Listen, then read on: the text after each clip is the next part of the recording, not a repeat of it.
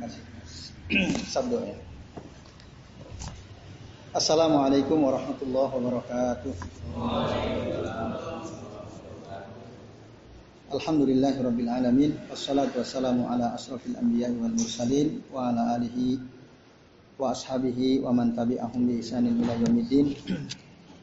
Asyhadu an la ilaha illallah wahdahu la syarikalah wa asyhadu anna Muhammadan abduhu wa rasuluh. Allahumma salli wa sallim wa barik ala Muhammad wa ala ali Muhammad kama sallaita wa barakta ala Ibrahim wa ala ali Ibrahim fil alamin innaka Hamidum Majid. Rabbi israh li sadri wa yassir li amri wahlul 'uqdatam min lisani yafqahu qawli. Amma ba'du. Bapak-bapak dan ikhwas sekalian, azani Allah wa iyyakum ajmain. Alhamdulillah puji dan syukur marilah senantiasa kita aturkan ya kehadirat Allah Subhanahu wa taala yang telah mengizinkan kita semua untuk bisa kumpul di majelis ini, majelis kajian kitab Fadlul Islam. Ini ada beberapa teman baru ini ya bersama Pak Nasir ya. Kalau Pak Anwar udah lihat antum ya di kajian Ahad ya. Ini namanya Pak Anwar Anwar Ais ya. Ya. Kalau di samping Pak Nasir, samping kanan, eh kiri, samping kiri. Pak Pak Rahmat, ya. Samping kanan Abu Fahmi. Ini kunyahnya. Pakai Abu Fahmi. Kalau ini Abu Waqqas ini ya. Nah, Abu Fahmi. Alhamdulillah. Kalau antum? Putra Pak oh, Pak Abu Fahmi ya. Antum Fahmi namanya. Oh ya. Antum? Putranya Pak Fahmi juga? Abu Fahmi juga? Alhamdulillah ya. Masya Allah. Barakallahu fikum. Semoga gimana Pak Nasir? Ah, al-fata. Nah, al-fata atau asy-syabab. Ah, syabab. Ah, baik. Ini bagi yang belum punya kitab berarti hanya mendengarkan ya. Kitabnya kalau mau beli udah habis ya Mas Sabri ya? Ah, udah habis ya. Ah, ah. Kecuali mau ngopi nanti bisa fotokopi barangkali. Lebih baik lebih baik kalau kita ada pegang kitabnya ya. Baik teman sekalian, pada pertemuan pekan lalu kita sudah membahas sampai halaman 47 ya. Betul nggak? Ya, sekarang kita masuk ke halaman 48. Silakan dibuka. Baik saya bacakan. Qala Abu Al-Aliyah. Berkata Abu Aliyah, Abu Aliyah. Nama lengkap Abul Aliyah Ar-Riyah ini Ar-Riyahi nama kunyah seperti Abu Fahmi atau Abu Waqqas gitu ya. Itu nama kunyahnya. Nama aslinya adalah Rufai bin Mihran Ar-Riyahi. Namanya Rufai bin Mihran Ar-Riyahi nama aslinya. Wa huwa min a'immatit tabi'in. Dan dia termasuk ulama dari kalangan tabi'in. Artinya beliau ketemu dengan beberapa orang sahabat Nabi Shallallahu Alaihi Wasallam. Rufai bin Mihran ini. Nah ini orang berilmu. Beliau berwasiat. Apa wasiatnya? Ta'allamu al-Islam. Pelajari oleh kalian Islam. I'rafu al-Islam mahwa. Ketahuilah apa itu Islam. Jadi nggak cukup kita mengatakan anak muslim. Saya muslim, tapi kita nggak belajar tentang Islam. Banyak nggak orang ngakunya Muslim tapi nggak belajar tentang Islam? Banyak nggak? Banyak banget. Itu nggak cukup. Tapi sayang banyak yang kayak gitu. Dia merasa Muslim, apalagi di KTP sudah jelas Muslim ya, di akte Islam. Ada nggak? Di akte nggak ada ya? Agama nggak ada ya? Nggak ada. Nah, KTP lah. Nah, lalu dia merasa cukup. Apalagi dulu belajarnya di MI, MTS, MA, terus sekolah Ah, itulah misalnya. Kalau dia merasa udah Islam banget ya, Islam banget. Setelah jadi sarjana udah nggak mau belajar lagi, nggak mau ngaji lagi. Tapi bergaulnya sama orang macam-macam gitu ya. Bahkan pikirannya juga terpengaruhi oleh paham-paham liberal misalnya. Nah, bapak-bapak dan ikhwas sekalian, maka itu tidak cukup. Orang ngaku mengaku dirinya sebagai muslim, lalu terus berhenti dia nggak belajar Islam, nah ini berbahaya. Hanya ada dua pilihan yang kita lakukan, mengajarkan sunnah atau belajar sun sunnah. Itu harus Kalau bisa ngajarin sunnah, kalau belum belajar sunnah. Makanya apa kata Abdullah bin Mas'ud? Ugdu aliman au muta'alliman wala takunanna imma'atan. Itu pilihan kita.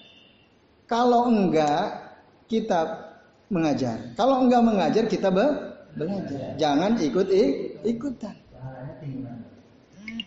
Bisa sama itu. Ya bisa sama ya. Karena gini, ketika kita belajar, lalu kita bertanya tentang sesuatu yang penting nanyanya nggak ngeyel itu saja. Ya.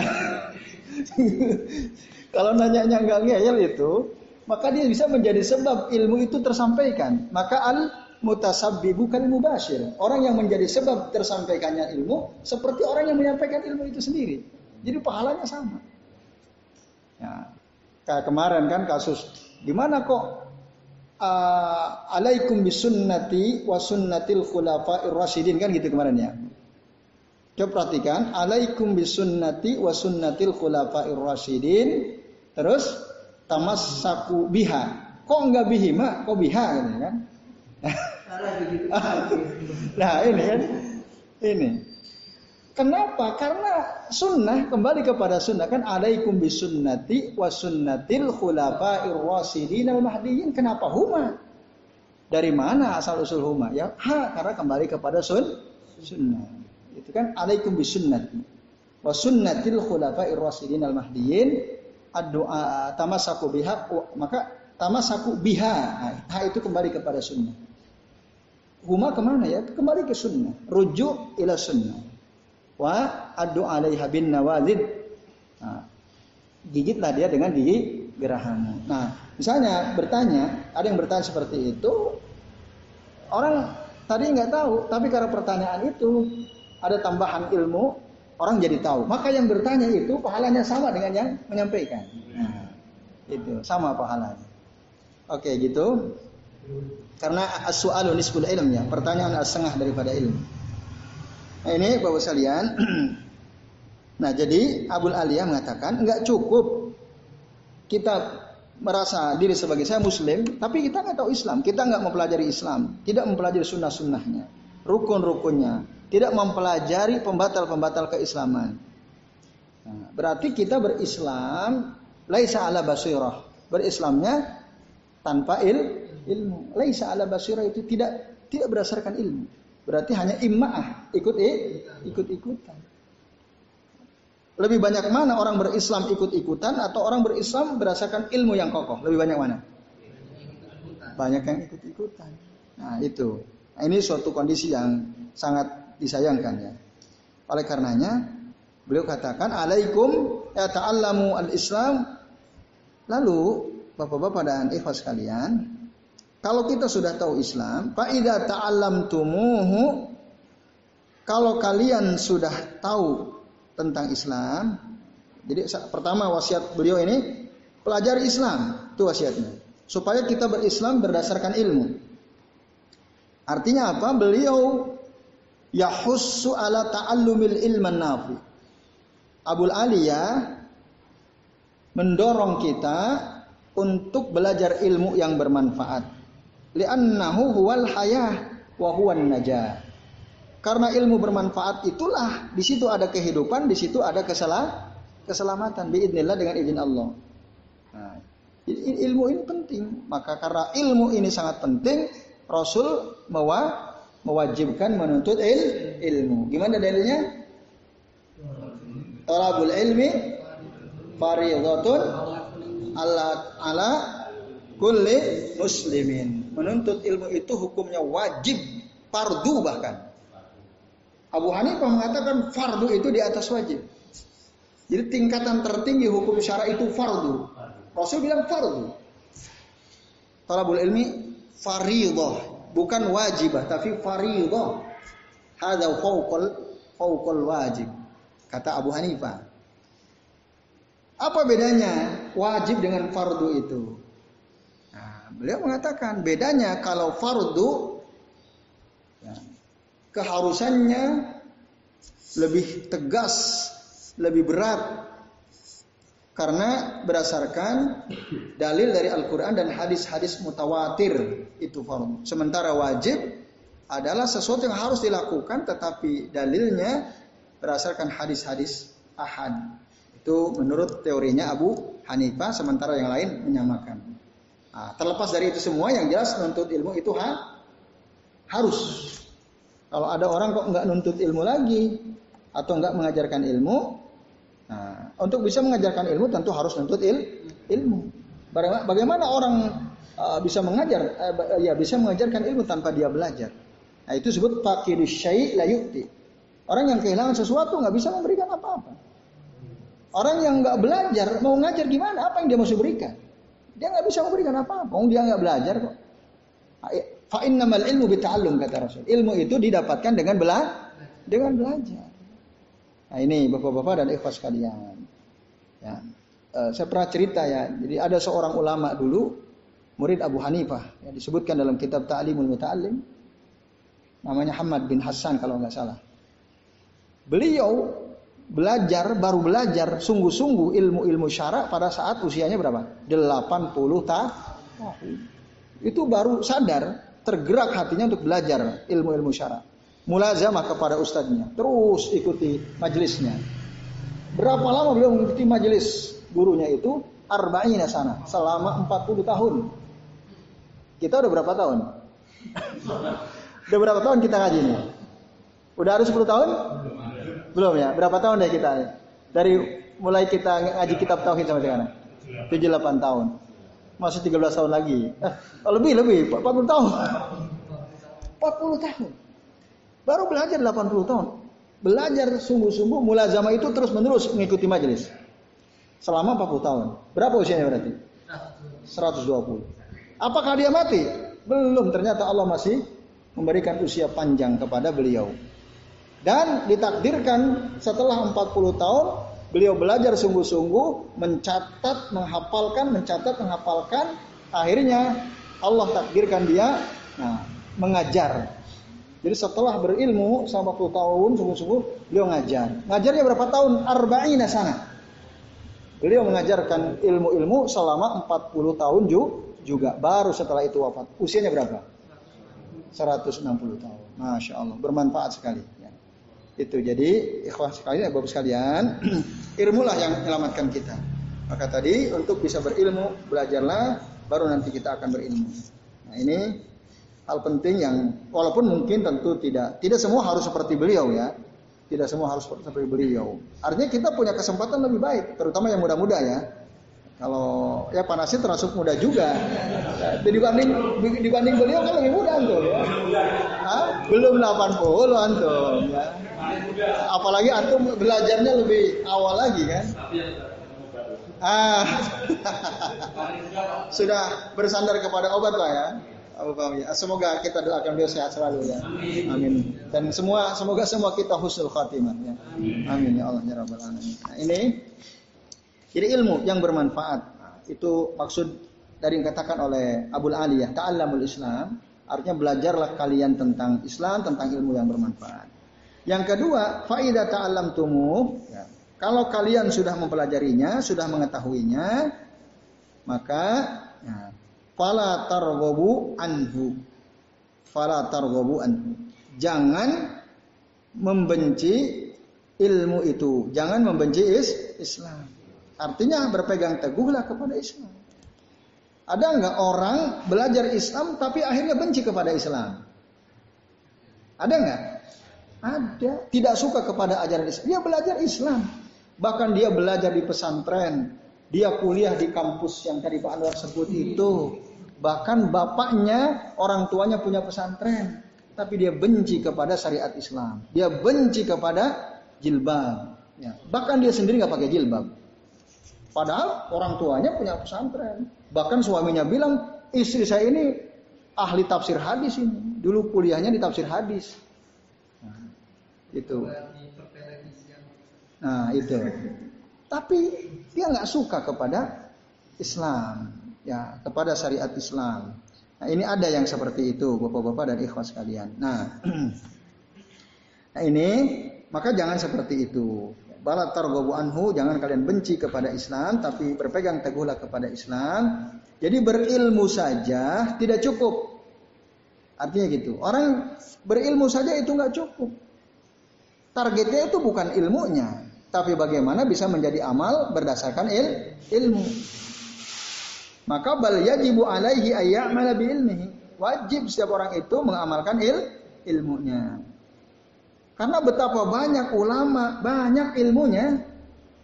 Wahum min ahli dolal. Tapi mereka adalah orang yang sesat menyesatkan. Walun mudillun. Sesat dan menyesatkan. Banyak nggak? Ada nggak di kita? Ada. Nggak usah disebut. Ada yang jelas ya. Ada bol, ilmunya banyak, banyak ilmunya. Kalau ditanya dia hafal banyak macam-macam. Tapi ilmu ya sunnah tidak menjadi amal, hanya sebatas jadi ilmu, akhirnya apa? Jadi ahlul dolal. Makanya Pak Nasir apa kata uh, Al-Fudail bin Iyad rahimahullah tentang orang yang berilmu itu sebenarnya siapa? Masih ingat antum? La yazalu al-alimu jahilan hatta ya'mala bi ilmihi. Nah, Al-Fudail bin Iyad rahimahullah. Nah. Ah, la yazalu al-alimu ya. Jahilan orang berilmu itu masih tetap berada pada makom kebodohan, orang bodoh. Orang yang banyak ilmunya, hafal macam-macam, itu masih tetap bodoh. Masih tetap bodoh hatta ya bi ilmihi sampai dia mengamalkan il, ilmunya. Siapa pun kita, seberapa pun banyak hafalan kita, tapi kalau kita enggak mengamalkan ilmu kita, ya kita masih jahil. Sampai kapan? Hatta na'mala bi ilmina. Sampai kita mengamalkan ilmu kita. Wa idza amala bi ilmi fahuwa alim. Nah, baru ketika dia dapat ilmu, dia amalkan ilmunya, itulah orang yang berilmu. Nah, ini. Maka tidak cukup hanya berilmu, tapi berpegang teguhlah kepada Islam, janganlah benci kepada Islam. Ini Bapak-bapak dan ikhwas kalian dan tentu saja ketika kita berpegang teguh kepada al-haq ya kepada Islam dengan ilmu yang kita tahu kita harus kokoh ya sabar dalam berislam dengan ilmu itu karena Islam itu dah ilmun wa amalun ilmu dan amal nah itulah wasiat dari Abul Aliyah jadi pertama beliau berwasiat supaya kita berilmu, yang kedua wasiat beliau adalah supaya kita beramal dan kokoh ya di atas amal yang berdasarkan ilmu itu.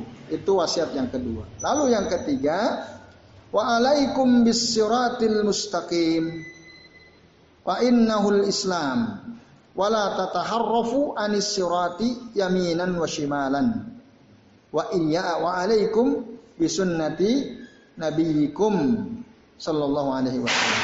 Nah, wasiat yang ketiga adalah hendaklah kalian berada di atas jalan yang lurus. Apa itu al-Islam? Fa'inahul Islam. Itulah jalan yang lurus. Dan janganlah kalian menyimpang dari jalan yang lurus itu, baik menyimpang ke kanan ataupun ke ke kiri. Hendaklah kalian berpegang teguh kepada sunnah Nabi kalian, Sallallahu Alaihi Wasallam. Itu kata Abul Aliyah. Nah, berarti ini adalah nasihat ketiga. Apa itu?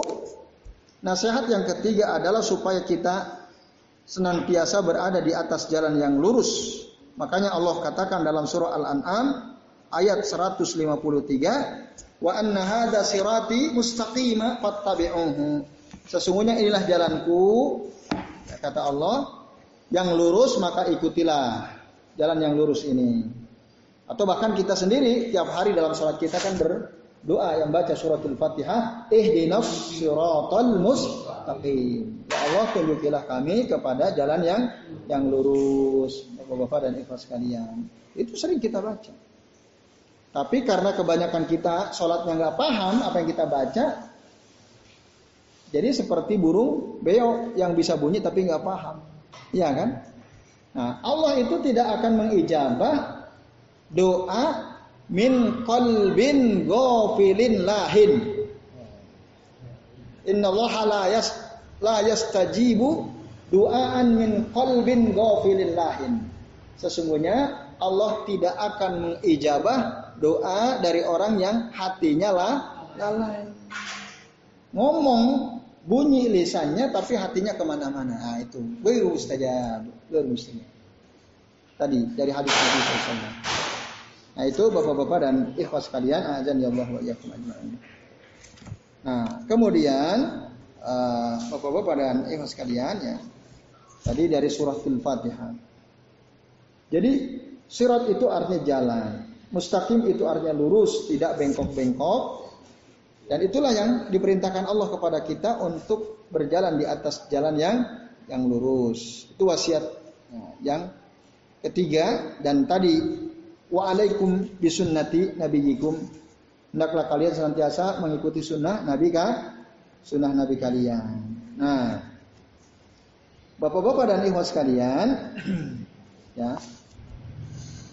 Ini artinya kita harus selalu berusaha untuk mengikuti sunnah Rasul dan sunnah para sahabat baik dalam masalah akidah maupun dalam masalah ibadah, amal ibadah. Itu harus ikut sunnah Rasul dan sunnah para para sahabat. Jangan menyelisihi. Kalau menyelisihi sunnah Rasul berarti kita ngikutin hawa nafsu kita. Berarti kita menjadi ahlul ahwa. Berarti kita ngikutin lawan kata dari sunnah apa? Bid'ah. Ya kalau kita nggak mau ngikutin sunnah berarti kita pengikut bid'ah. Itu pilihannya.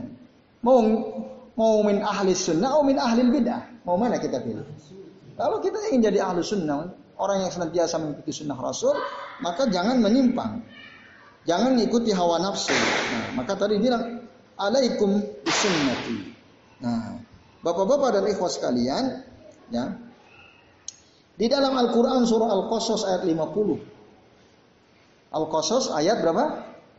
50 ayat 50. Allah taala berfirman bagaimana? Fa illam yastajibu lak fa illam yastajibu laka jika mereka tidak menjawab seruanmu wahai Muhammad, tidak mengikuti kamu wahai Muhammad, fa'lam ketahuilah annama yattabi'una ahwa'ahum.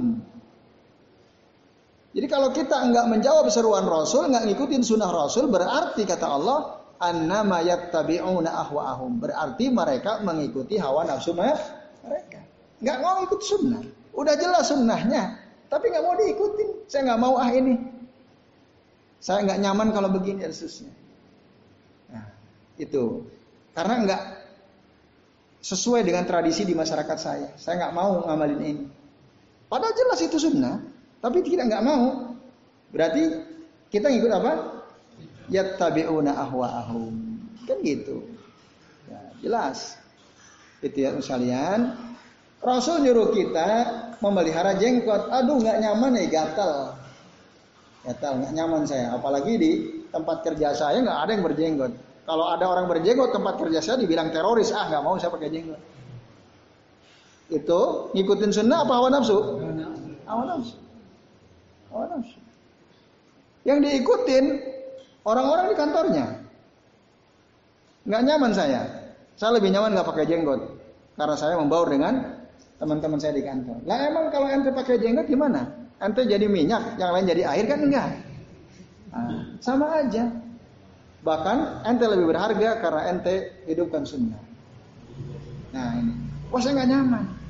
Kalau kita bilang nggak nyaman padahal jelas perintahnya berarti dia kita lam nastajib Nah, Rasulullah SAW kita enggak ya, menjawab seruan Nabi.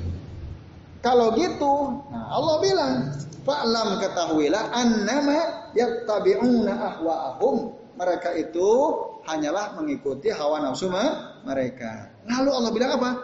Waman adallu mimman ittaba'a hawah. Adakah orang yang lebih sesat daripada orang yang mengikuti hawa nafsunya bi ghairi hudam minallah. Bukan mengikuti petunjuk dari Allah. Ada nggak yang lebih sesat dari itu? Ini namanya istifham al-ingkari, al-istifham al-ingkari. Allah bertanya tapi untuk mengingkari. Artinya nggak ada. Sesesat-sesatnya orang adalah orang yang ngikutin hawa, naf hawa nafsunya. Itu paling sesat tuh orang. Nah, kan ngeri itu. Kalau gitu, di tengah-tengah kita ini banyak yang sesat apa enggak? Banyak banget orang sesat. Ya lebih memilih hawa nafsunya daripada sunnah.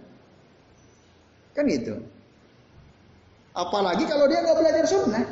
Bagaimana dia tahu sunnah? Dia merasa hawa nafsunya lah yang benar. Nah, itu repot lagi. Udah nggak ngaji tapi merasa benar. Tapi lebih parah, ya udah ngaji tapi menyelesaikan sun, udah tahu ilmunya kan dia masih sunnah. Oh, itu lebih parah lagi. Nah, itu lebih ngeri lagi nanti. Nah, maka oh kalau gitu gak usah ngaji aja biar kita nggak tahu sunnah. Nah, itu ngaco namanya. Iya. Untuk menghindari alasan gak usah ngaji biar nggak tahu. Ya, nah, itu dia. Namanya menyelisih Rasul juga Rasul disuruh kita ngaji, kita nggak ngaji kan itu. Ini ya, tadi dalam surah Qasas Al-Qasas ayat 50. Silakan nanti dibaca ya sekalian. Nah, oleh karenanya fa'alal muslimi tabi al-haqqa sawa'an wafaqahu hawahu aw khalafahu. Seorang muslim itu wajib mengikuti sunnah, wajib mengikuti yang hak Al-Quran dan sunnah. Apakah Quran sunnah itu sesuai hawa nafsunya atau tidak? Dia harus ikut sunnah. Nah, ada sebagian orang kalau cocok dengan hawa nafsunya dilakukan.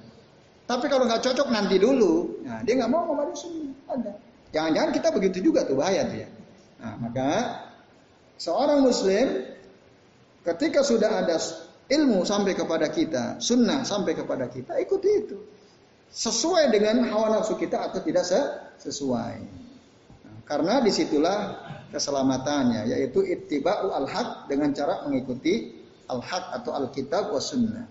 Nah, itu Bapak-bapak dan ikhwas sekalian, azan ya Allah wa iyyakum Lalu Ta'ammal kalama Abil Aliyah hadza. Ini kata saya Muhammad bin Abdul Wahab. Masih pada halaman yang sama 48 ya. Ta'ammal. Perhatikan perkataan Abul Aliyah ini tadi. Ma ajallahu. Nah, yang sangat penting ini ya perkataan Abu Aliyah ini adalah perkara yang sangat penting. Itu kata saya Muhammad bin Abdul Wahab ya.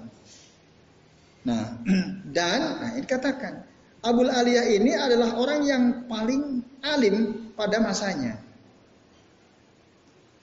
Nah, wa'rif zamanahu alladhi yuhadziru fihi min al-ahwa allati man ittaba'aha faqad ragiba 'anil Islam wa tafsir al-Islam sunnah. Nah, ketahuilah pada zamannya jadi Abu Aliyah itu beliau mengingatkan mewasiatkan ini ya yaitu mewasiatkan supaya kita hati-hati dari mengikuti hawa nafsu. Nah, barang siapa yang mengikuti hawa nafsu, faqad ragiba anil Islam berarti dia telah membenci Islam. Wa Islam di sini penafsiran Islam atau penjelasan makna Islam di sini adalah sunnah. Benci kepada sunnah. Orang benci kepada sunnah, ada nggak? Orang benci dia kepada cadar. Cara sunnah istri Nabi Muhammad SAW. Jadi uh, nisaun Nabi kulluhunna uh, mutanaqabat ya. Mutanaqabat. Mutanaqabat maknahu bercadar ya. Semua isi Rasul SAW. Lalu ada orang benci kepada cadar. Orang bercadar itu adalah radikal. Orang bercadar itu adalah ekstrim. Dibuatlah film pendek. Wah. Perang tuh perang ya. Ngacoknya nggak nggak ketulungan nih orangnya. Menghina betul ya terhadap sunnah. Nah, makanya orang kayak gini ini inna syani huwal abtar. Orang yang benci kepada Rasul putus dia. Nggak akan langgeng dia. Orang-orang seperti itu menunjukkan kebencian luar biasa kepada sunnah. Nah, ini. Jadi hati-hati Bapak-bapak dan sekalian, kalau kita ya uh, tidak mengikuti sunnah berarti kita benci kepada sunnah. Nah, ini diingatkan oleh Abul Aliyah. Bayangkan beliau takut ini terjadi pada orang yang hidup di zamannya. Di zaman tabi'in masih dekat kepada Rasul. Di situ ada para sahabat, banyak ulamanya. Tapi beliau khawatir orang-orang keluar dari Quran dan Sunnah. Itu di zaman beliau loh dulu. Betapa sangat pentingnya. Lalu bagaimana dengan zaman kita sekarang? Lebih parah atau lebih baik? Wah, jauh lebih parah. Bid'ah jauh lebih banyak. Para pengikut hawa nafsu jauh lebih banyak. Bahkan mereka punya kekuatan. Nah, mereka yang mendominasi. Maka nasihat ini lebih penting lagi untuk disampaikan bapak-bapak dan ikhwas sekalian ya. Agar jangan sampai kita ini sebagai umat Nabi Muhammad tidak lepas dari sunnah. Tidak lepas dari Quran dan sunnah. Maka ya tabayyanu laka makna qaulihi ta'ala, jelaslah bagimu makna firman Allah taala, "Idz qala lahu rabbuhu aslim, qala aslamtu li rabbil alamin." Ketika berkata Tuhannya kepadanya, "Berislamlah," qala aslamtu li rabbil alamin, maka dia mengatakan, nah di sini kalau tidak salah adalah Nabiullah Ibrahim alaihissalam, dia mengatakan, qala aslamtu li rabbil alamin, aku ya, berserah diri kepada Tuhan pemelihara seluruh alam. Al-Baqarah ayat 131 ya. Kemudian kalau ta'ala ya baniya inna Allah astafa lakumud dina fala tamutunna illa wa antum muslimun. Ini Nabi Yakub nasihat Nabi Yakub ya. Beliau mengatakan, "Ya baniya, wahai anakku, sesungguhnya Allah istofalakumuddin telah memilihkan bagi kalian agama ini, fala tamutunna illa wa antum muslimun, janganlah kalian mati kecuali dalam keadaan mus muslim." Nah, artinya Bapak-bapak dan ikhwas sekalian, azani Allah wa Janganlah kita mati kecuali kita berpegang teguh kepada Quran dan sun, sunnah itu maksudnya. Kalau kita lepas dari Quran dan Sunnah lalu kita mati, wah itu mengerikan sekali. Ya. Sungguh sangat berbahaya. Nah, itu. Nah, lagi tadi ya, jadi poin yang perlu digarisbawahi bapak-bapak dan ibu sekalian, ini dikatakan oleh Abul Aliyah Rufai ya. bin siapa tadi? Nah, Rufai bin Mihran Ar-Rayyahi di zaman di mana itu adalah masih merupakan zaman terbaik. Ya kan? Zaman tabi'in itu zaman terbaik karena Rasul mengatakan khairun nasi karni. Sebaik-baik manusia itu pada zamanku, kurunku. Summal yalunahu, kemudian yang di bawahnya lagi summal yalunahu. Kemudian yang di bawahnya lagi. Berarti bawahnya zaman sahabat, di bawahnya zaman tabi'in. Bayangkan di zaman terbaik udah khawatir Abul Aliyah. Nah, maka kita di zaman sekarang harusnya lebih khawatir lagi dengan keadaan keluarga kita, teman-teman kita, sahabat-sahabat kita. Maka kita saling mendoakan. Semoga kita semua istiqomah di atas sun, sunnah. Begitu bapak-bapak dan ibu sekalian. Jadi kita ini saling mendoakan ya Allah.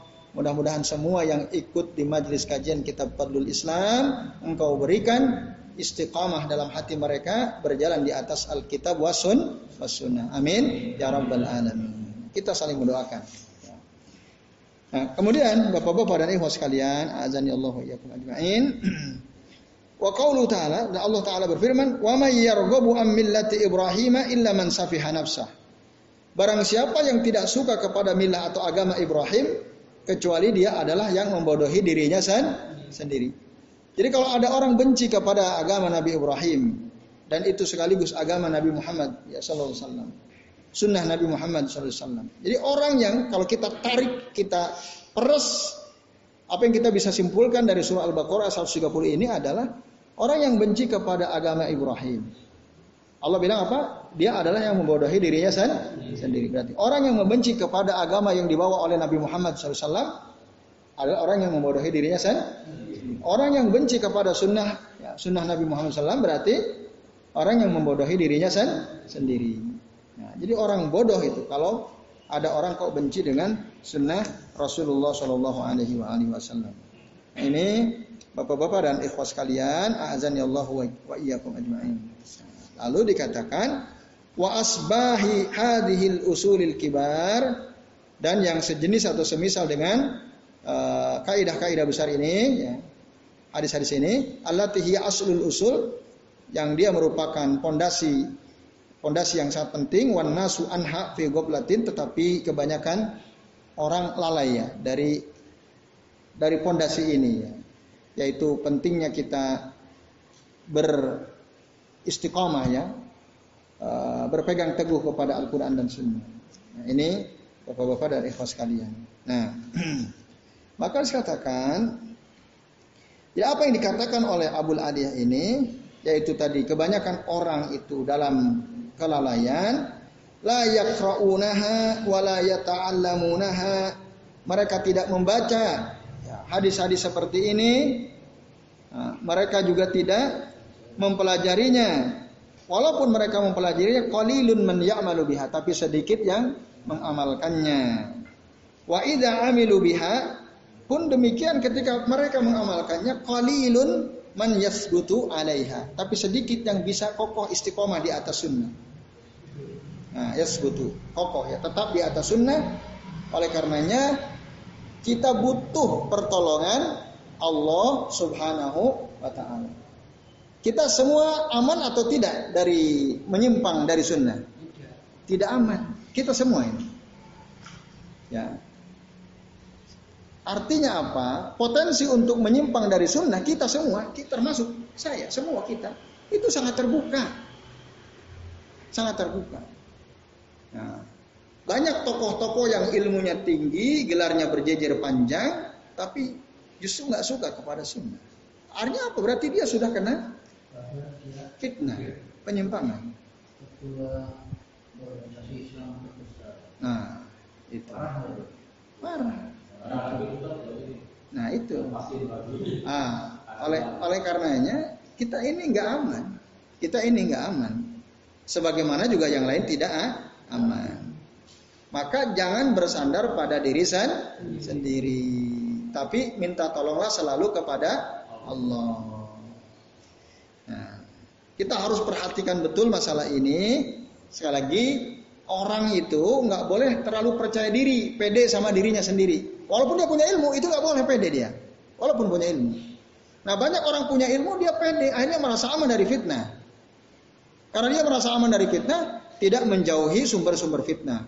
Harusnya kalau kita ingin merasa aman dari fitnah kan natajan nabul fitnah. Kita menjauhi fitnah atau sumber-sumber fitnah.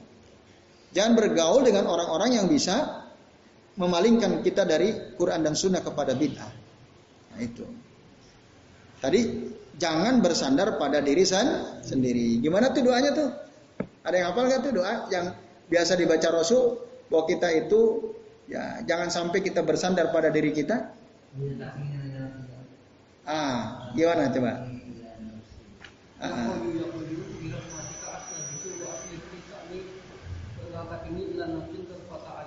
Ulangi pelan-pelan. Ya,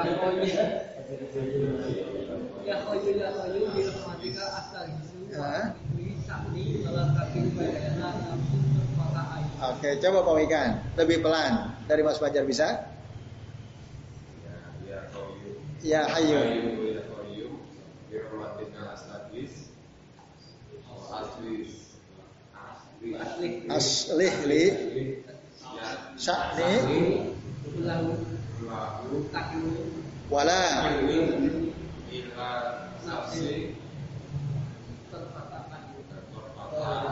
Oke, coba Pak Anwar.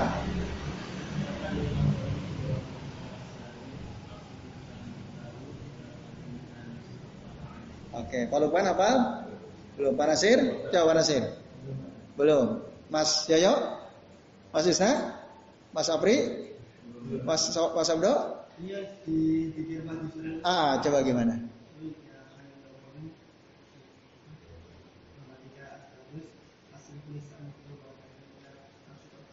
Ah, masya Allah, hafal ya antum. Antum udah amalin ini jikir pagi petang? Iya. Oke, kan oke, bagus, bagus. Ya.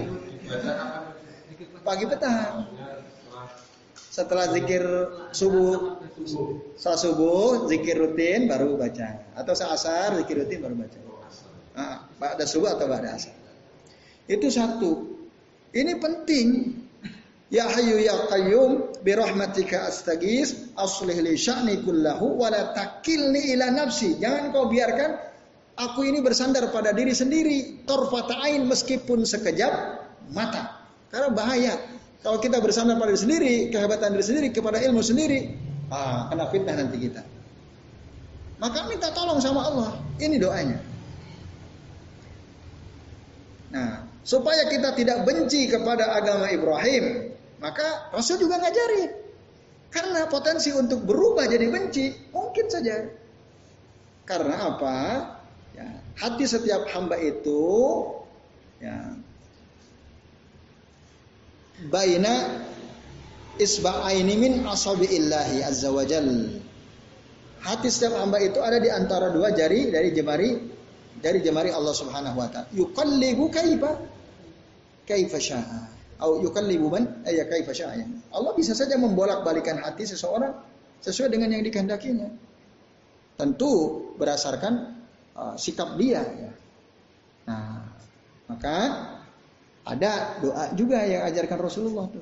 Supaya kita nggak benci kepada agama Nabi Ibrahim. Kata dikatakan, man ragiba an millati Ibrahim ila man safiha nafsah.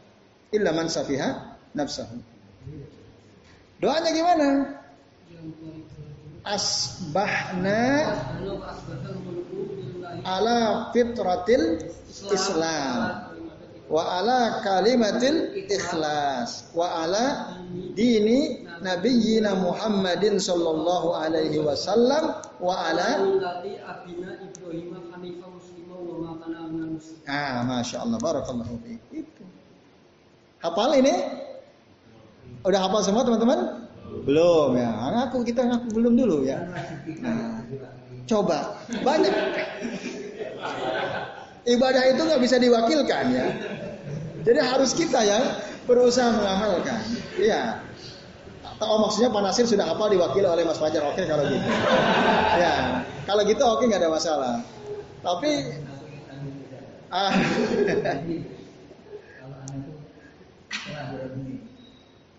Allahumma rahmataka arju wa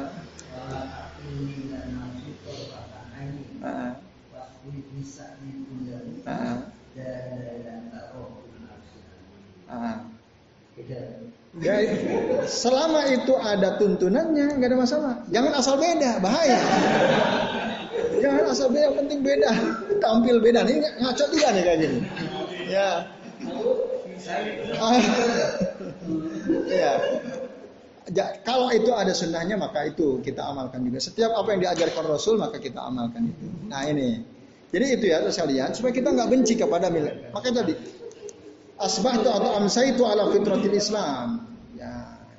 Jadi aku masuk di pagi atau sore hari berada di atas fitrahnya Islam atau sunnahnya Islam. Wa ala kalimatil ikhlas berada di atas kalimat keikhlasan. Wa ala dini nabiyina Muhammadin SAW dan berada di atas agama Nabi kita Muhammad SAW. Wa ala millati abina dan di atas agama bapak kita Ibrahim Nah, hanifan muslimah wa makana minal musyrikin. Agama bapak kami Nabi Ibrahim yang lurus, yang berserah diri dan beliau tidak termasuk golongan orang-orang yang mus musyrik. Itu. Dan satu lagi tadi, ya mukallibal qulub. Ah, itu. Itu baca rutin tuh. Itu baca rutin. Kalau yang dua tadi dibaca zikir pagi petang, Sementara yang mukallibal qulub ya sabit qalbi ala dinika ini terserah baca kapan saja. Nah, ini namanya zikir mutlak, doa mutlak. Kapan saja kita baca. Nabi itu kata istri beliau, apa doa yang paling sering dibaca oleh Rasul? Di antaranya ini. Ya mukallibal qulub, sabit qalbi ala dinika atau ya Allahumma musarrifal qulub, sarrif qulubana ala taatika. Nah, ini penting. Nah ini ya lihat supaya kita tidak benci kepada agama bapak kita Nabiullah Ibrahim alaihi salam. Nah ini. Nah, kemudian bapak ibu bapak ibu dan eh, bapak bapak dan ikhwas sekalian ya. Kemudian uh, mana lagi? Halaman berapa tadi? 48 ya. Fa'inal Islam fakad ragi Islam, tafsir Islam. Nah, kemudiannya ini. Wa wassa biha Ibrahim, itu ya. Betul ya? Nah. Ah, wa wassa Haman 48 yang terakhir. 48. Ah. Kan itu di atas. Man safihan nafsu itu Oh, udah lewat itu? Oh, ke kelewat tadi, kelewat tadi. Ah, ya. Berarti yang kelewat tadi ya. Oke, kitab dan sunnah. Ah. Ya, ah, in, ta, tapi tadi intinya penjelasannya bahwa kita, maaf tadi berarti ada yang kelewat ya. Wasiat Nabi Ibrahim dan Nabi Yakub. uh, di halaman 48 ya disebutkan wawas sobiha Ibrahim banihi wa Yaqub ya bunayya. Tadi wasiat Ibrahim Nabi Yakub ya bunayya ya baniya innallaha astafa lakumuddin fala tamutunna illa wa antum muslimun. Udah tadi ya? Nah, itu wa may yarghabu an millati Ibrahim illa safiha nafsa. Ini sampai sini tadi. Wa may yarghabu an millati Ibrahim illa man safiha nafsa. Nah, itu sampai sini tadi dan ya yang sejenis ya asbaha hadhil usulil kibar lati hiya aslul usul wan nasu wan nasu anha fi goflatin. Sampai sini tadi. Ya sampai sini. Ya, gofla itu lalai. Ya kebanyakan orang lalai atau meninggalkan Al-Qur'an dan sunnah. Nah maka wabi ma'rifatiha yatabayyanu ma'nal ahadis fi hadzal bab wa amsalihah dengan mengetahui sunnah-sunnah ini maka jelaslah makna hadis dalam bab ini dan sejenisnya. Wa amal insanu alladhi yaqra'uha wa asbahaha wa huwa aminun mutmainnun annaha la tanaluhu yadhunnu annaha fi qaumin kanu fabadu. Nah sedangkan orang-orang yang membacanya membaca Al-Quran atau Sunnah ini dan sejenisnya lalu dia merasa aman. Ya, dia merasa aman ya aminun apa? Mutmainnun tenang ya. Annaha la tanalahu la tanaluhu. Bahwa dia tidak akan terkena fitnah ini. Wa yazunnu annaha fi qaumin. Dan dia menyangka ini hanya terjadi pada kaum terdahulu saja. Kanu fabadu maka perhatikanlah ayat ini. Apa aminu makrullah.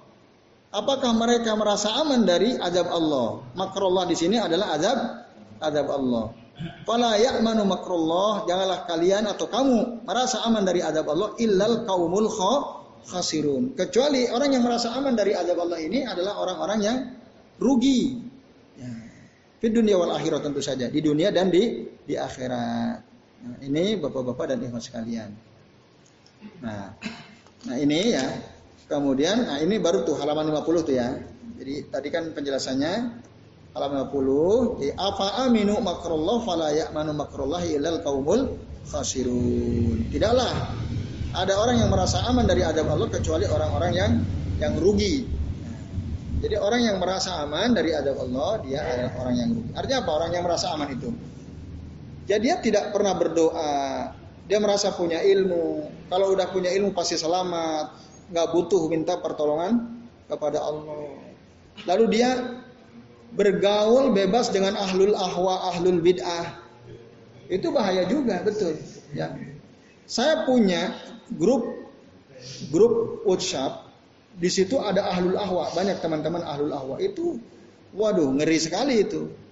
Teman-teman saya yang berusaha mengikuti sunnah pada keluar semua, kecuali saya bertahan sendiriannya. Tapi ngeri itu ya. Nah, tapi kalau saya mau keluar, saya kuat grupnya. Nah, jadi dulu itu teman-teman teman-teman yang menurut saya mereka ustadz-ustadz yang bisa bahasa Arab dari berbagai macam firqah gitu ya. Supaya harapannya sih supaya ya saling bertukar pikiran ya, lalu saling menasehati dan seterusnya, tapi ternyata wah mereka nafsunya apa ya? Ikuti hawa nafsunya kuat sekali gitu ya. Jadi kalau ada postingan dari teman yang memosting sunnah bidah, wow langsung diserang habis tuh ya, langsung serang habis. Akhirnya teman-teman pada nggak kuat juga. Wah ini jadi fitnah, malah nanti malah berantem jadinya. Nah, akhirnya pada keluarlah semua. Nah, yang ahlul ahwa, ahlul bidah itu yang bertahan di situ banyaknya. Nah, itu mengerikannya. Nah, memang sebaiknya kita menghindar dari ahlul ahwa. Pengaruhnya luar biasa. Ya. Kecuali kalau kita punya ilmunya, tapi itu pun sambil berdoa terus sama Allah. Karena belum tentu ilmu kita pun menjamin kita bisa tetap kokoh. Gitu.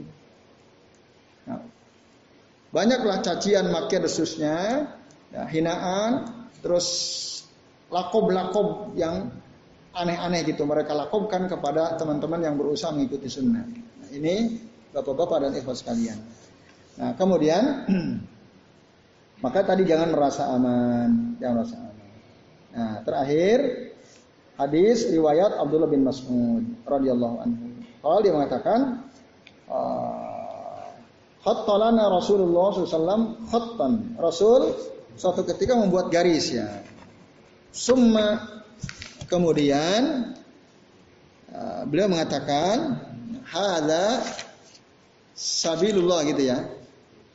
Nah, summa qal lalu Allah bin Mas'ud mengatakan Rasul mengatakan hada sabilullah. Ini adalah jalan Allah. Jadi Rasul buat garis. Hada sabilullah.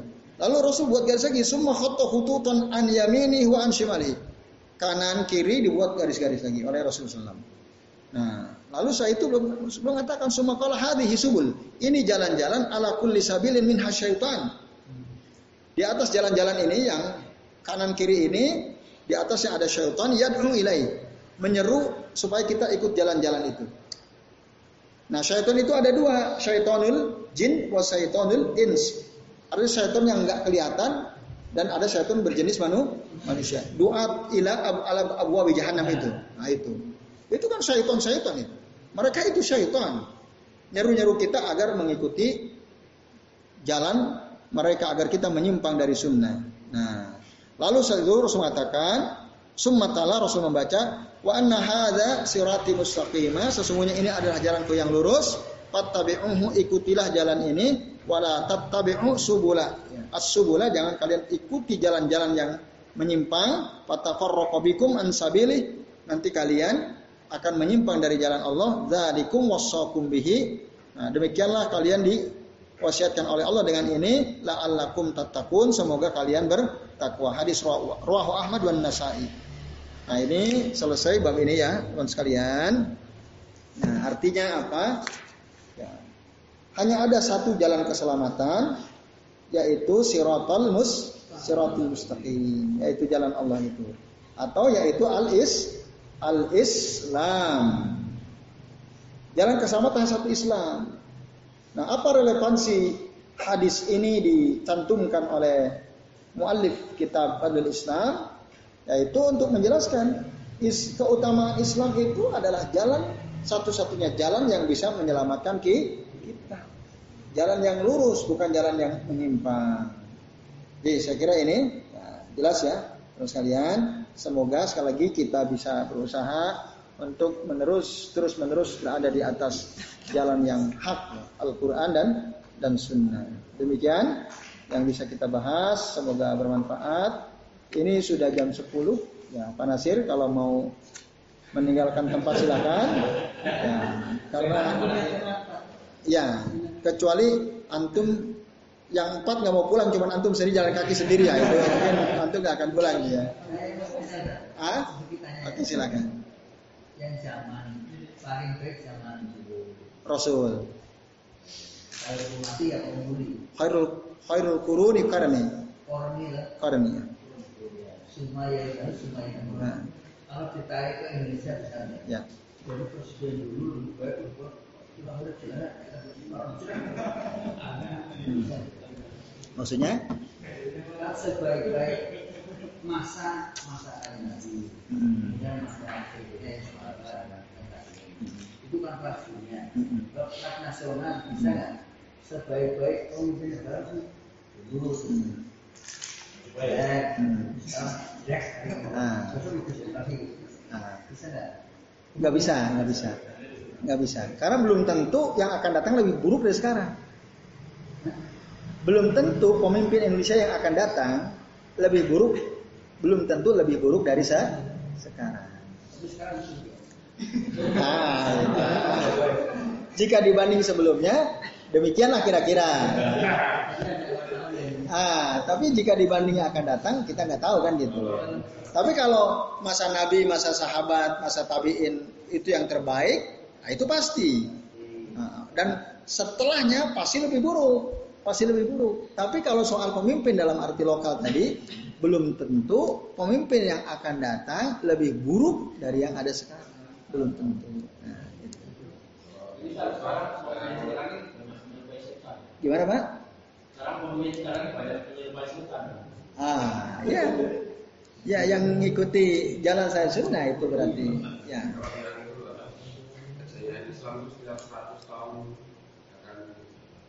Mujaddid bukan akan lahir seorang pembaharu dalam Islam. Ya, itu ada dalilnya betul, betul. Yang tapi saya sudah pernah sampaikan ya bahwa la ya'ti alaikum zamanun ayaumun au zamanun illa walladhi ya'ti ba'dahu syarrun minalladhi qablahu. Tidaklah akan datang kepada kalian suatu waktu, suatu tahun ya kecuali pasti tahun yang akan datang itu pasti lebih buruk daripada tahun seba sebelumnya itu. Jadi meskipun pemimpinnya nanti mungkin lebih baik, tapi zaman waktu itu tetap lebih buruk daripada sekarang. Sekarang lebih buruk dari kemarin dan terus akan lebih buruk. Kita lihat aja nanti yang istiqomah haji ini bertambah atau berkurang, ya kan? Ini nampaknya bertambah nampaknya ya. Nah nanti nggak tahu berkurang lagi atau tidak. Nah itu ya. Ya Allah. Zaman ketika Imam dulu. Apa pak? Ketika Imam dulu. Kalau dipanggil bisa turun. Ah ya, nah, nah, nanti tapi sebentar sekali ya. Itu berdasarkan nas nanti akan turun Imam Imam Mahdi ya. Itu akan baik ya. Terkecuali itu semua lebih buruknya. Jadi ada yang lebih baik berdasarkan penjelasan dari sunnah Nabi yaitu saat Imam Mahdi turun itu. Ya itu betul pak. Allah taala alam. Ya itu panasnya. Yang lain ada? Cukup? Ya silakan Abu Fahmi. Nah, ini kan ada nama Islam. Ada apa? Ah, nawakil Islam itu. Sementara untuk memfonis orang bahwa dia melakukan masalah itu harus hujahnya sudah jelas. Ini sudah bilang menghalang-menghalang untuk yang itu sebagai batal akhir konflik nah. dan begitu bedanya. Hmm.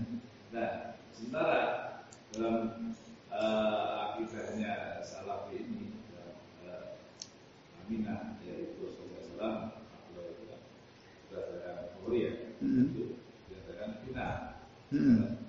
Bina sebelah neraka orang tua Rasulullah SAW. Hmm. Nah, kemudian waktu itu kan dalam kekosongan Rasul yang menanti dari Nabi setelah wafat kemudian Rasul SAW bangkitkan masa patroh katanya.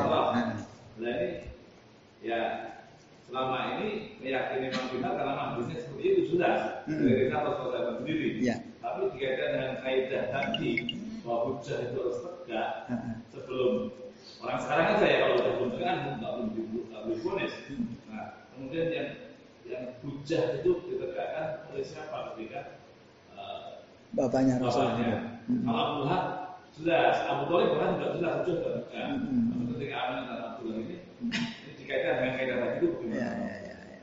Oke baik. Apa itu masa fatrah? Masa kekosongan Nabi. Artinya masa jeda antara Nabi Isa dan Rasul itu kan sekitar berapa tahun? 400 tahun ya, kurang lebih 400 tahun itu nggak ada nabi setelah Nabi Isa, setelah 400 tahun kemudian baru Allah mengangkat Nabi Muhammad menjadi nabi dan rasul.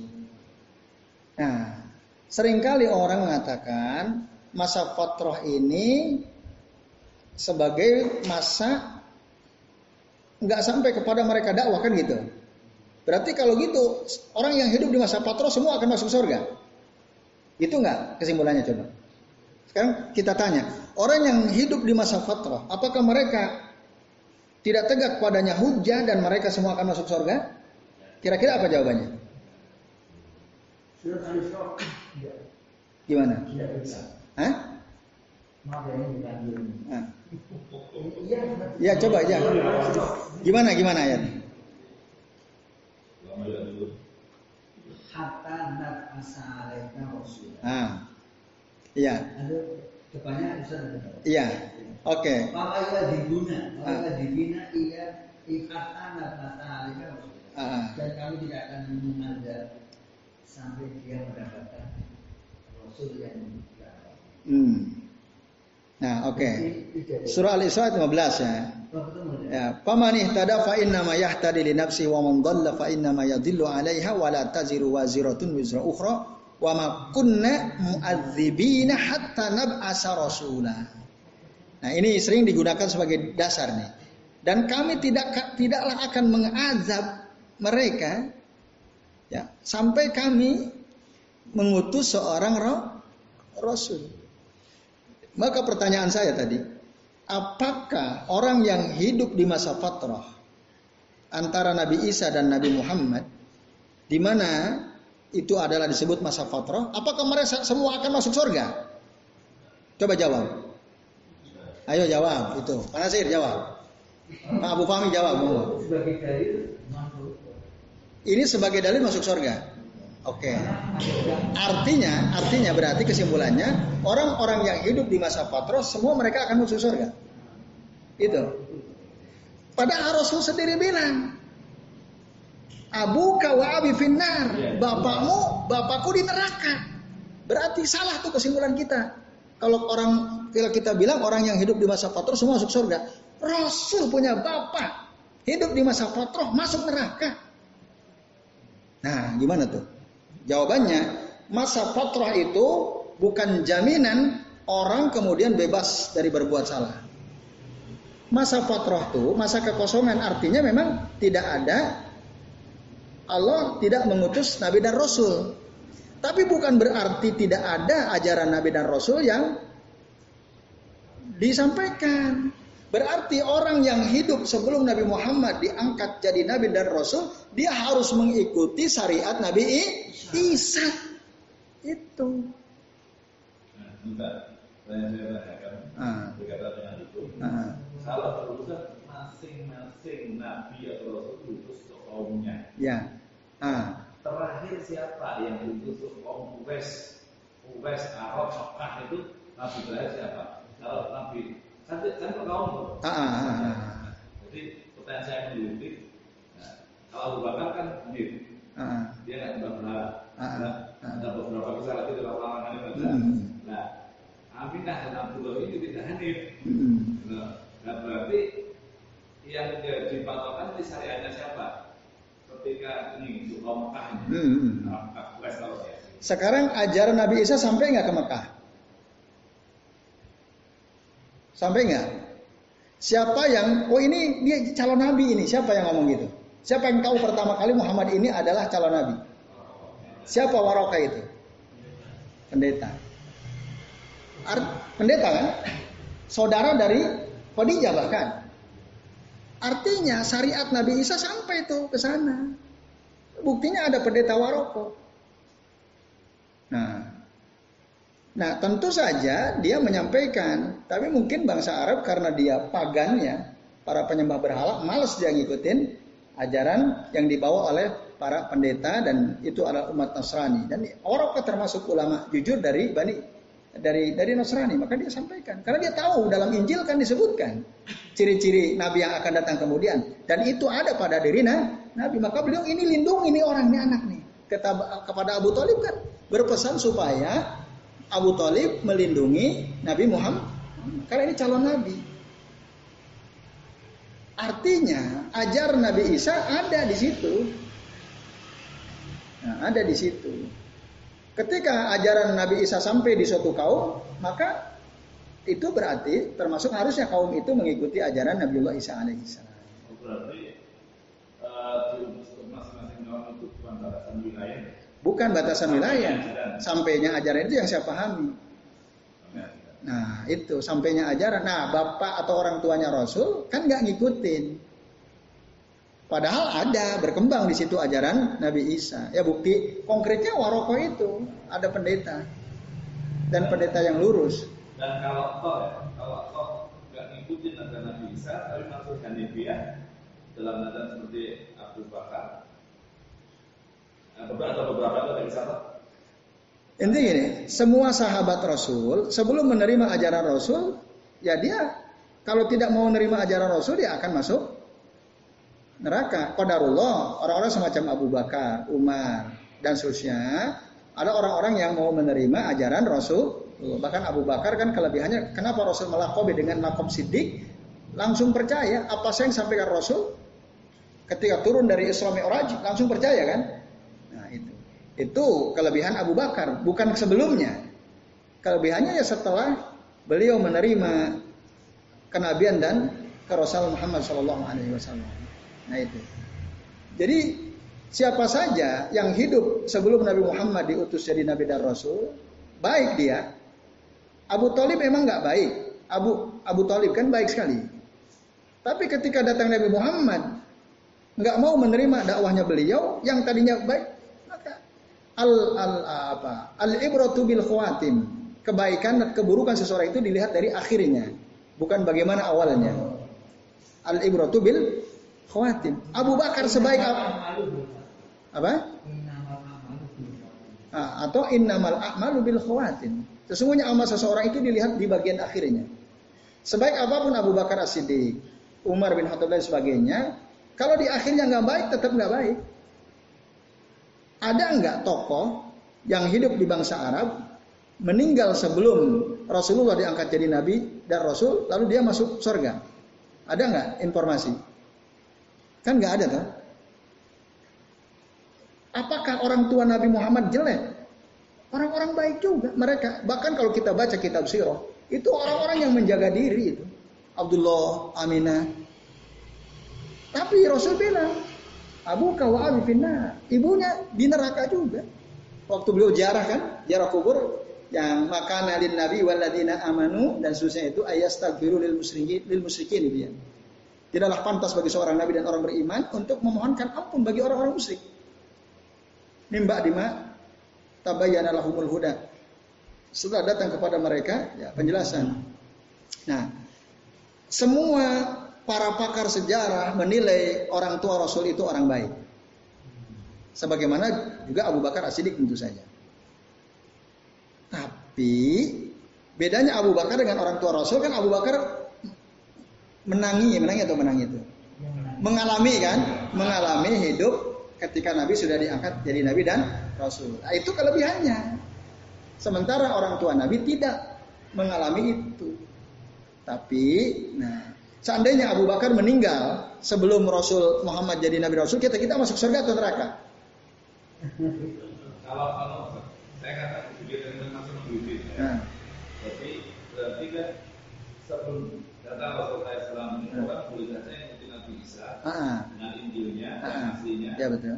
Nabi Musa dengan Taurat yang aslinya. uh Atau Nabi Ibrahim dengan Hanifiahnya. Ya betul. Apakah karena mereka itu tidak musyrik, kemudian mereka itu masuk surga? Kalau yang yang eh, walaupun mengikuti Nabi siapa, uh, nah, tapi kan ajaran pokoknya sama, uh, tidak ada dan Ya, ya, ya. itu saya masih Ya, ya, ya, betul seperti itu. Ya kalau ada di antara mereka mengikuti ajaran Nabi sebelum Nabi Muhammad, berarti ahlul kitab. Sebelum dirubah-rubah ya. ya sebelum mengalami perubahan. Nah itu, yang ikuti yang murninya. Tapi ketika sudah dirubah-rubah, maka nanti orang Nasrani kan jadi dol kan. Orang Yahudi jadi magdub kan. Magdub alaihim. Nah itu. Nah itu seperti itu. Jadi kalau mereka yang hidup di Jazirah Arab itu tidak mengikuti ajaran Nabi sebelumnya, maka mereka berada dalam kesesatan. Don atau magdub itu di antara dua itu. Yaitu. Karena yang ada sebelumnya adalah itu. Ya.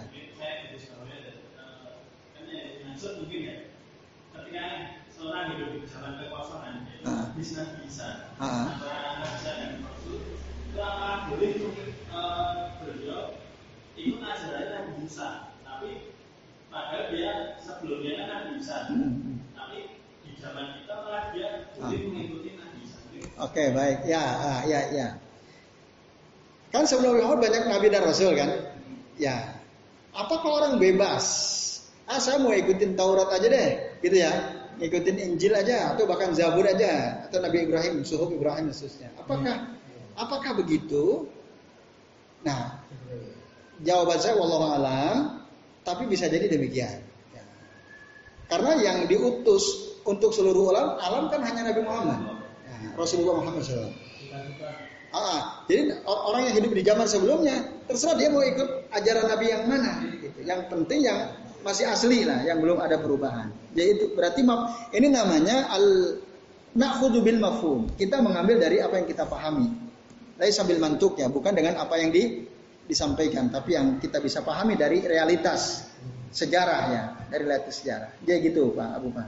Kalau lihat itu orang tuanya Pak Garis mungkin orang tuanya kakeknya terus oh saat itu apa pakai paganisme semua sehingga Rasulullah itu mencontoh siapa ini bisa Islam Ya Rasulullah, Allah yang ngajari, Allah yang ngasih wahyu, Allah yang mengangkat beliau dari Rasul. Itu. Jadi Rasul tidak ngikutin siapa-siapa. Tapi Rasul diangkat oleh Allah menjadi nabi dan rasul, diberi wahyu oleh Allah Subhanahu wa taala. Itu jadi Nabi tidak meniru, tapi diangkat dan disuruh untuk mengikuti Ibrahim. Ya, disuruh untuk mengikuti ajaran Nabi Nabi Ibrahim alaihissalam. Ah. Ah. Ngajari siapa? Kalau Rasulullah yang ditanya ya Allah. Oh. Iya. Kalau Rasul yang ditanya kasusnya ya Allah Subhanahu wa taala. Itu.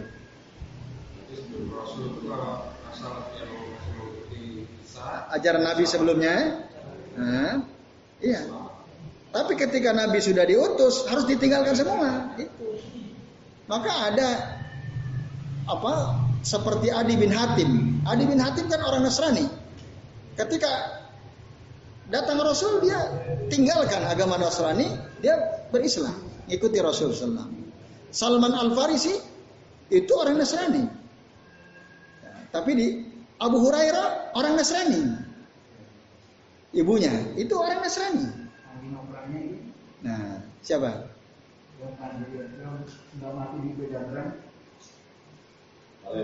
Khalid bin Walid ya. Jadi banyak tokoh-tokoh sahabat Nasrani. Kalau dia masih tetap dan rasani sebelum Rasul diangkat dari Nabi Rasul, kalau meninggal itu bisa jadi masuk Islam. Tapi waktu Rasul Muhammad SAW diangkat jadi Nabi Rasul, ibunya Abu Hurairah nggak mau masuk Islam. Masih berpegang teguh kepada Nasrani dan itu keliru. Maka Abu Hurairah berkali-kali mendakwahi ibunya supaya ikut Rasulullah. Enggak mau. Tapi kemudian dia minta doa kepada Rasul, ya Rasul doakan ibu saya supaya dia masuk Islam. Akhirnya Rasul berdoa, diijabah doanya, ibunya Abu Hurairah masuk Islam. Nasrani tinggalkan. Itu. Nah itu. Jadi gitu Pak. Jadi semua orang yang hidup di zaman sebelum Rasul, kalau dia tidak mengikuti ajaran nabi-nabi sebelumnya, sebaik apa pun kehidupannya, dia akan masuk neraka. Walaupun ada orang yang menolak, masa sih orang tua Rasul kan zaman fatrah dan seterusnya. Nah itu menentang apa yang dikatakan oleh Nabi. Nabi kan jelas mengatakan Abu kawa abi Abu kawa abi finna yaitu Allah taala alam Ya, cukup ya sementara. Baik, ya ini sebenarnya menarik untuk didiskusikan ya, tapi waktu ya terlalu malam. Insya Allah nanti kita sambung lagi pekan yang akan datang. Semoga kita semua yang hadir di sini.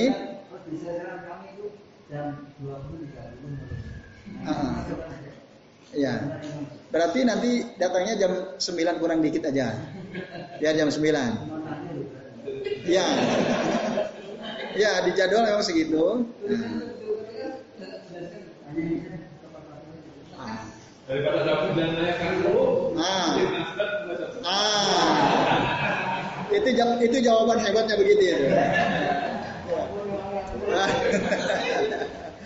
Oke, mari kita kan nanti diakhiri oleh Mas Abdo. Saya mohon maaf jika ada kesalahan. Saya akhiri ya.